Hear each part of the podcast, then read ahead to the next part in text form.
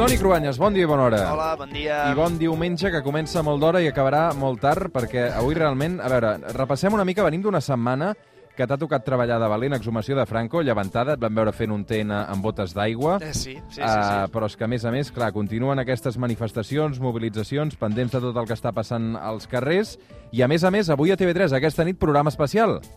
Sí, avui tenim un programa especial. Intentem anar una mica al darrere, més enllà, explicar, almenys plantejar moltes preguntes, no sé si serem capaços de trobar resposta a tot, sobre la forma de les noves manifestacions, revoltes, eh, anem de dir violència, el paper que està fent la policia, tant la Policia Nacional com els Mossos, ho compararem amb altres revoltes d'arreu del món, sí, sí. Doncs tot això ho veurem aquesta nit a TV3, juntament amb el Toni Cruanyes i la Laura Rossell. Per tant, eh, dos col·laboradors del suplement avui eh, copsant la pantalla. Eh? Sí, hi haurà algú més de Catalunya Ràdio, el Marc Jurado, per exemple, però també la Montserrat Besses, el Paulí Sobirà, mm. el Ximo Blasco, gent eh, transversal entre Catalunya Ràdio i, i TV3, i com et deia, parlarem també de, de, de moviments juvenils a altres llocs del món, parlarem de Hong Kong, dels armilles grogues de França, o també dels aldarulls molt significatius i violents, clarament, d'aquests dies a Xile.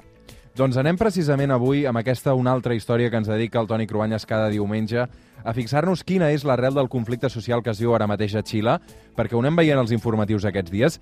29 anys sense... Eh, 29 anys després d'acabar amb la dictadura d'Augusto Pinochet, perquè des de Santiago de Xile aquesta setmana ens han arribat aquests episodis de violència i repressió policial com no es coneixien des d'aleshores. Els militars han patrullat els carrers de l'àrea metropolitana de Xile des de divendres passat a la nit.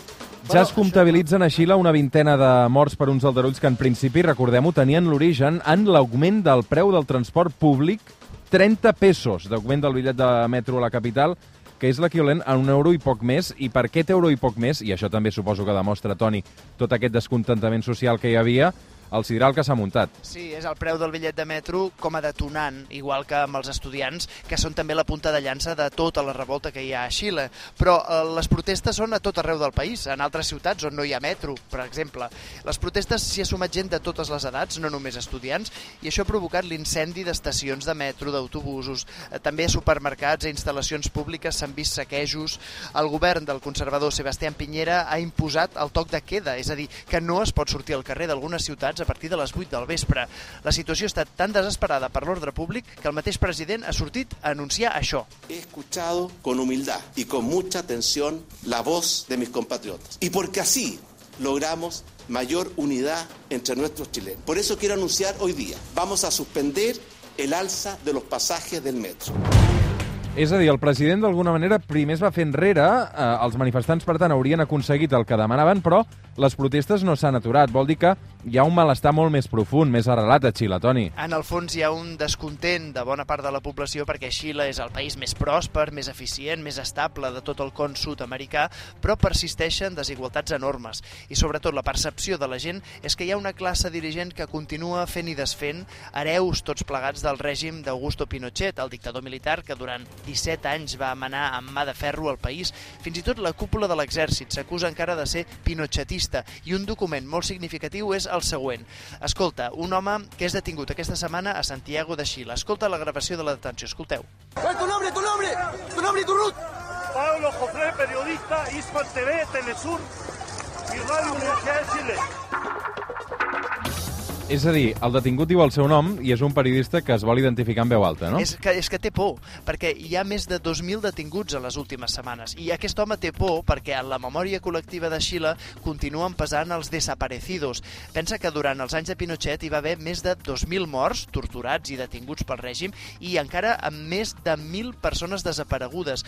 Gent que amb total impunitat, perquè eren sospitosos de sedició, de ser comunistes, de ser contraris a Pinochet, el règim els segrestava de forma organitzada o els detenia enmig del carrer. Doncs va, fem una mica de història. Augusto Pinochet, un general de l'exèrcit xilè que va protagonitzar el cop d'estat de l'11 de setembre del 1973. Sí, ens hauríem de posar en aquells anys convulsos a tota l'Amèrica Llatina, amb governs d'esquerres, diguem-ne que filocomunistes, eh, encara en plena Guerra Freda. Per dir-ho clar, Cuba i sobretot Rússia inspiraven o ajudaven els moviments obrers i d'esquerres llatinoamericans, però els Estats Units, juntament amb les oligarquies locals d'Amèrica Llatina, tenien por i van voler-hi combatre. Xile era, i encara és, el país més disciplinat, educat, el el més ric de la regió, fins i tot més que Argentina i Brasil, que són els grans gegants del continent. Així que Washington va donar suport actiu a través de la CIA als cops militars que pretenien imposar l'ordre i frenar els peus al comunisme.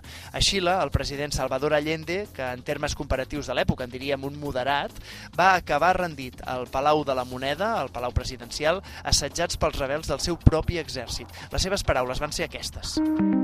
sabiendo que mucho más temprano que tarde, de nuevo abrirán la grande Alameda por donde pase hombre libre para construir una sociedad mejor. ¡Viva Chile! ¡Viva Doncs aquestes són les paraules mítiques de Salvador Allende amb aquest discurs, Toni. Sí, aquestes paraules han ressonat durant dècades, formen part del victimari democràtic més enllà fins i tot de les fronteres de Xile. Sí, és que en aquest cas Pinochet i la repressió de la dictadura de Xile ha quedat molt més fixat que el de qualsevol altre dictador de la mateixa època, no? És que Pinochet va organitzar una veritable màquina de poder militar i econòmic que, des d'un punt de vista macabre, va ser exemplar, perquè, perquè ens entenguem, el seu govern militar i els desaparecidos són una icona que veu, entre altres, de la tradició del franquisme espanyol, l'anticomunisme, el paper de l'Església oficial com a legitimador del règim, i després també hi ha l'experiment econòmic neoliberal, perquè el govern de Pinochet va transformar Xile reduint al mínim el sector públic, un domini total de l'empresariat vinculat al poder i el silenci obligat dels sindicats i dels partits democràtics. A Xile es va fer un experiment neoliberal de l'escola de Chicago, que seria molt més brutal que el que viurien als Estats Units de Ronald Reagan o la Gran Bretanya de Margaret Thatcher. Se'ls anomenava els Chicago Boys, que arribaven de la Universitat de Chicago, i van fer servir Xile com un gran laboratori econòmic. Money, money, money, money, Els diners, perquè Xile és des d'aleshores un país pròsper, però també, com ara anàvem explicant, molt desigual. Encara avui, aquesta és l'arrel dels disturbis d'aquesta setmana, malgrat que hi va haver una transició política clara i avui no es pot dir en cap cas que Xile sigui una democràcia menys consolidada que cap altra de la zona. Fins i tot hi ha hagut una presidenta, Michelle Bachelet, que va ser víctima de tortures durant el règim militar. Però Pinochet va deixar un sistema que, també en termes espanyols, en diríem atado i bien atado. O sigui, m'estàs dient que la transició del pinochetisme va ser com una mena de franquisme? Encara pitjor, perquè Pinochet va pilotar el camí a la democràcia xilena en vida. Després de 17 anys de govern militar, va convocar un referèndum sobre la seva continuïtat que es pensava que guanyaria, però el va perdre. I l'any 1990 va abandonar el poder polític, però igualment va mantenir gran influència sobre l'exèrcit. I, de fet, el pinochetisme va reviscular encara quan el van detenir el dictador a Londres l'any 1999 i després d'un any detingut va tornar a Santiago de Xile en olor de